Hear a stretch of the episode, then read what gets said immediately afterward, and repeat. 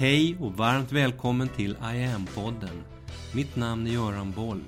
Här kommer jag varje vecka att presentera, utveckla tankar kring och polera på en ny facett av denna märkliga, mäktiga ädelsten vi kallar yoga. Hej! Idag träffar jag ännu en av alla dessa kloka, starka kvinnor i alla åldrar som jag samtalat med om livet och yogan. Och som jag ställer samma fråga till. Om jag hävdar att yoga är en av det här århundradets viktigaste kompetenser, vad säger du då? Hur tänker, hur resonerar du utifrån dina erfarenheter utav yoga?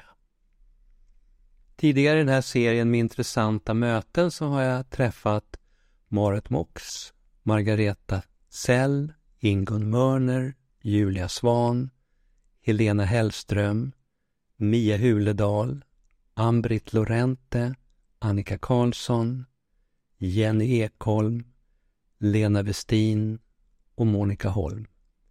Den här veckan möter jag Helene Kåselöv som bor i Stockholm. Jag börjar mina frågor så här. Helene, berätta lite om din bakgrund. Vem är du? Var bor du? Vad arbetar du med? Hur ser livet ut? Och hur har hälsan sett ut genom livet? Helen svarar. Jag heter Helen Kåselöv, 54 år och bor i Stockholm med min sambo Anderson. Jag flyttade från lilla Oxelösund till Stockholm när jag var 20.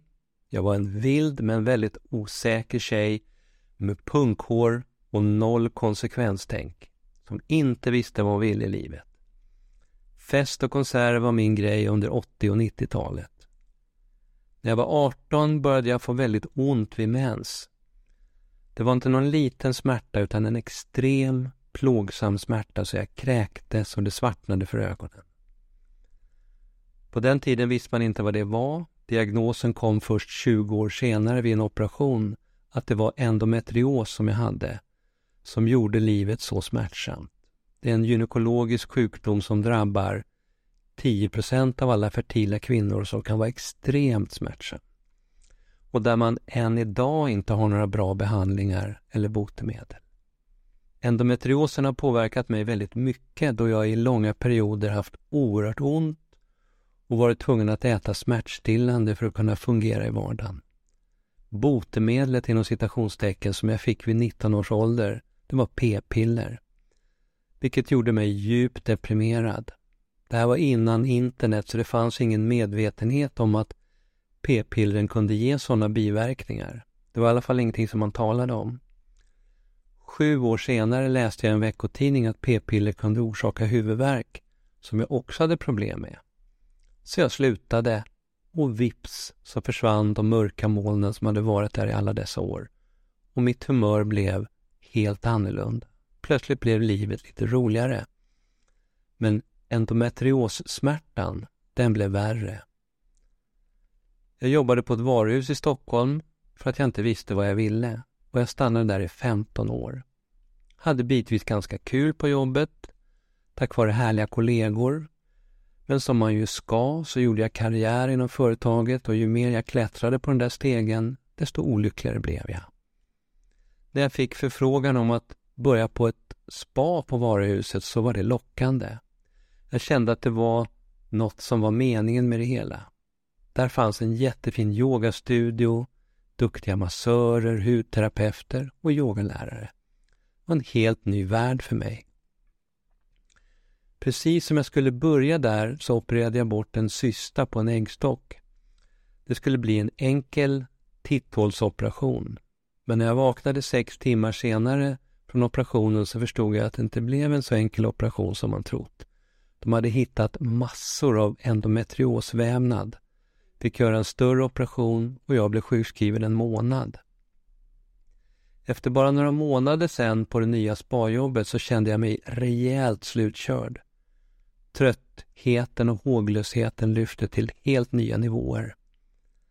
Jag har tänkt på varför jag blev utmattad och där finns flera faktorer en dålig kärleksrelation, prestationstänk, duktig flicka-syndromet, mycket jobb, stort ansvar i karriären, Men främst tror jag att utmattningen berodde på att jag inte följde mitt hjärta, inte lyssnade på vad jag ville, utan jobbade med något som inte passade mig egentligen.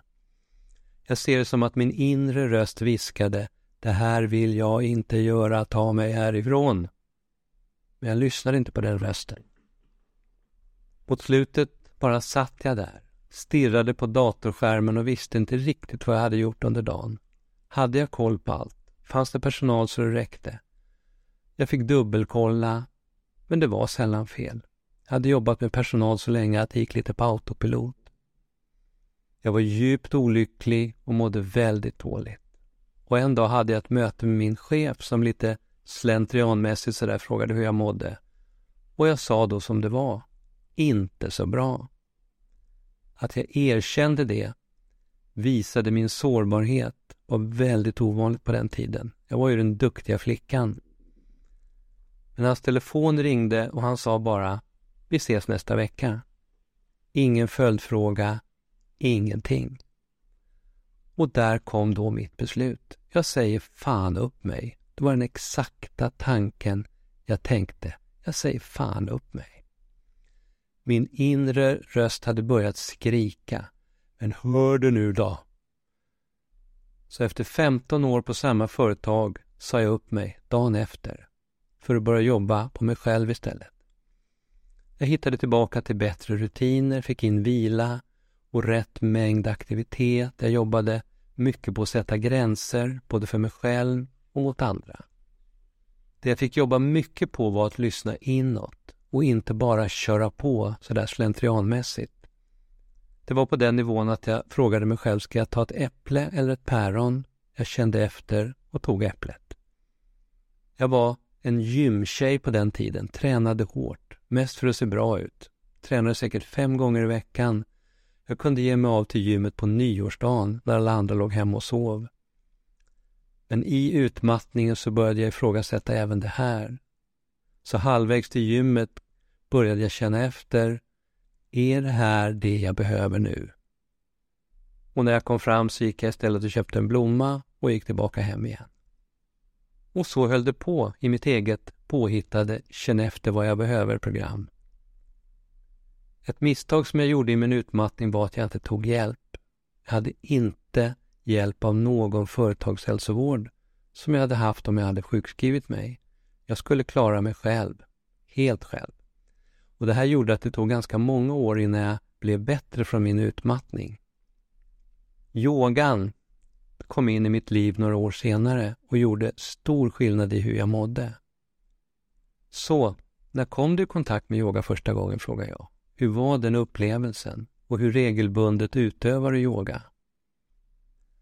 Första gången var som spachef 2003. Det var en workshop i power yoga. På den tiden var det prestation som gällde. Jag kan inte säga att jag blev frälst den gången.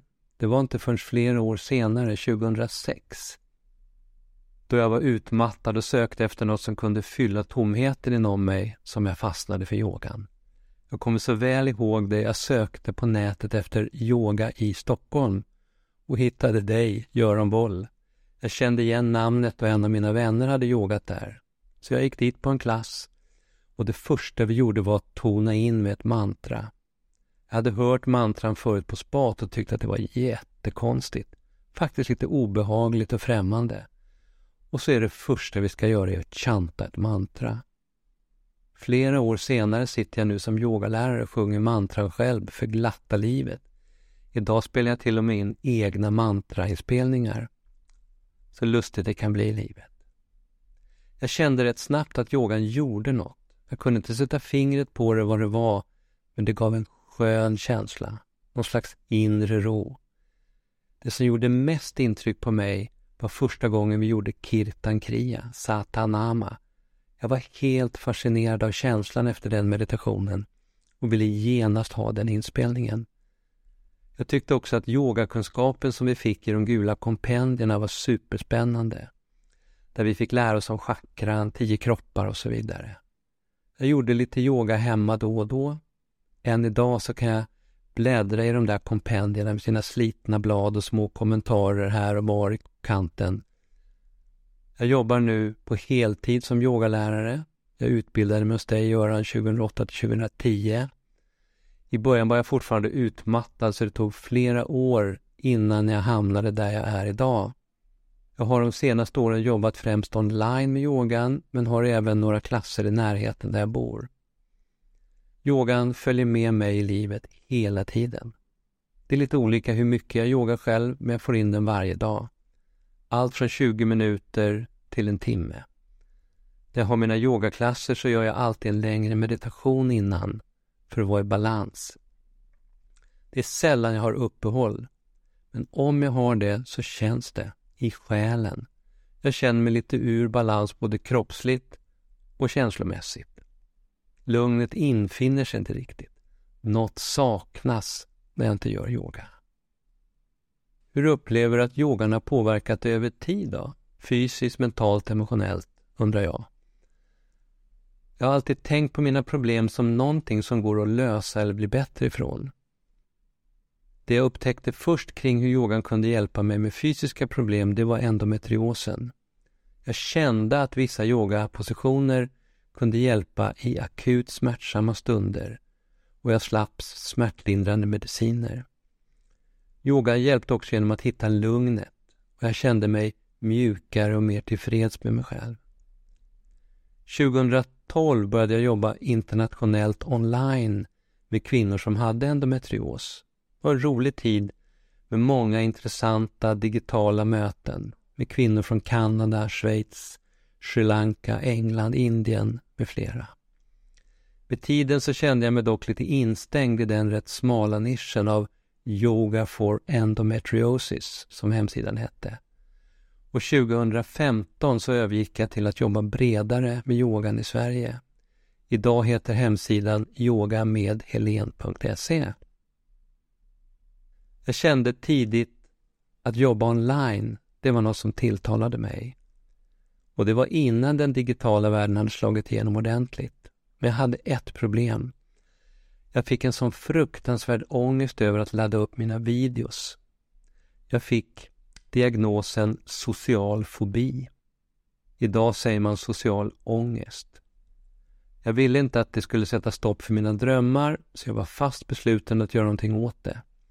Och som den problemlösare jag är så kombinerade jag yoga och meditation med KBT, vilket hjälpte mig i min ångest. Det var väldigt lärorikt att komma i kontakt med psykiatrin och hur den fungerar. Jag tyckte att KBT hjälpte mig bra med att få en slags insikt i ångesten. Så idag är jag helt fri från den och delar ofta med mig av de fantastiska meditationer som hjälpte mig med min ångest. Och eftersom jag är öppen med min historia kring ångest så är det också många som vill ha råd om det utav mig. För några år sedan fick jag fruktansvärt ont i ryggen. Så pass att jag trodde att jag inte skulle kunna fortsätta som yogalärare. Jag fick veta att jag hade en disk i ländryggen som i stort sett var borta. Som vanligt satte jag mig in i ämnet, ryggproblematik, läste böcker, gick hos en bra fysioterapeut som lärde mig en hel del, hittade själv bra yogaövningar som hjälpte och idag är den smärtan borta. Den kan komma ibland om jag gjort något som ryggen inte tycker om, men den försvinner fort efter några yogaövningar. Även här delar jag ofta med mig av mina erfarenheter till elever och deltagare. Varenda gång som jag haft något fysiskt, mentalt eller emotionellt problem så har jag alltid använt mig av yogan. Utforskat hur den kan hjälpa mig med just det problemet, just då. Testat med ett öppet sinne vad som fungerar och vad som inte fungerar. Så yogan har verkligen hjälpt på många plan. Framförallt så har den ändrat mig som människa. Den har hjälpt mig att hitta mig själv, ändrat mina beteendemönster. Jag lyssnar idag mer till vad hjärtat guidar mig till. Och det har stärkt mig som människa. Hade jag sagt till mig själv när jag var 20 att jag skulle bli yogalärare när jag var 40 så hade jag gapskrattat. En 20-åring som älskade att festa, dricka, hade ångest och var så osäker på sig själv med punkhåret spretandes åt alla håll. Det fanns inte på världskartan då. Jag tror inte ens att jag visste vad yoga var. Idag arbetar jag heltid med det jag älskar mest. Yoga. Fantastiskt hur livet kan bli. Så när jag säger att yoga är en av det här århundradets viktigaste kompetenser, vad säger du då? Hur resonerar du kring begreppet? Helene svarar så här. Det jag märkt, det är att samhället blir allt snabbare och snabbare. Allt ska gå fort och det ska vara mycket av allt. Informationsflödet väller över oss. Vi har fastnat i våra smartphones, omvärlden är ständigt orolig och det verkar aldrig lugna ner sig eller bli bättre som det ser ut nu. Många mår dåligt med ångest, depression, fysiska besvär, utmattning med mera. Fler försöker hitta sätt att slappna av och överleva i allt det här och många hittar till yogan. Ett fantastiskt verktyg för att hitta det där inre lugnet. Även om det är kaos utanför så går det att hitta lugnet inom sig. Vi får en stund med bara oss själva, där kropp och sinne får varva ner. Vi kan slappna av och få den där så viktiga återhämtningen. Det hör från många som yogar med mig, både IRL och online, det är att yogan hjälper. Ångesten släpper, huvudvärk försvinner, magsmärtor lättar. Och efter ett tag med regelbunden yoga så blir det lättare att hitta, att höra den där inre rösten. Det sker en förändring även själsligt. Exemplen är många. Jag får meddelanden och mejl hela tiden om hur mycket yogan påverkar. Det är fler och fler som yogar med mig och jag tror att intresset för yoga kommer att fortsätta växa framöver. Vi yogalärare behövs. Så ja, yogan känns idag viktigare än någonsin. Avslutar Helen den här intervjun. Ännu ett fint möte med ännu en av dessa kloka, starka kvinnor som jag har fått möjlighet att träffa på det här sättet. Och hela den här hemsidan, iamyoga.online, handlar om det som Helene så tydligt beskrivit här idag. Hur viktig och kraftfull som balanserande kraft yoga kan vara när vi öppnar upp för och fullt ut tar in den i våra liv. Här på sidan kan du i lugn och ro redan nu utan några förpliktelser testa det här på egen hand. Första månaden i online-tjänsten är helt kostnadsfri och det är ingen bindningstid. Här finns mycket att välja mellan. Från ett enstaka guidat andetag via korta sekvenser, kortare och längre pass, hela kurser, workshops, utbildningar. Du kan boka enskilda sessioner med mig och du kan lyssna på vacker musik.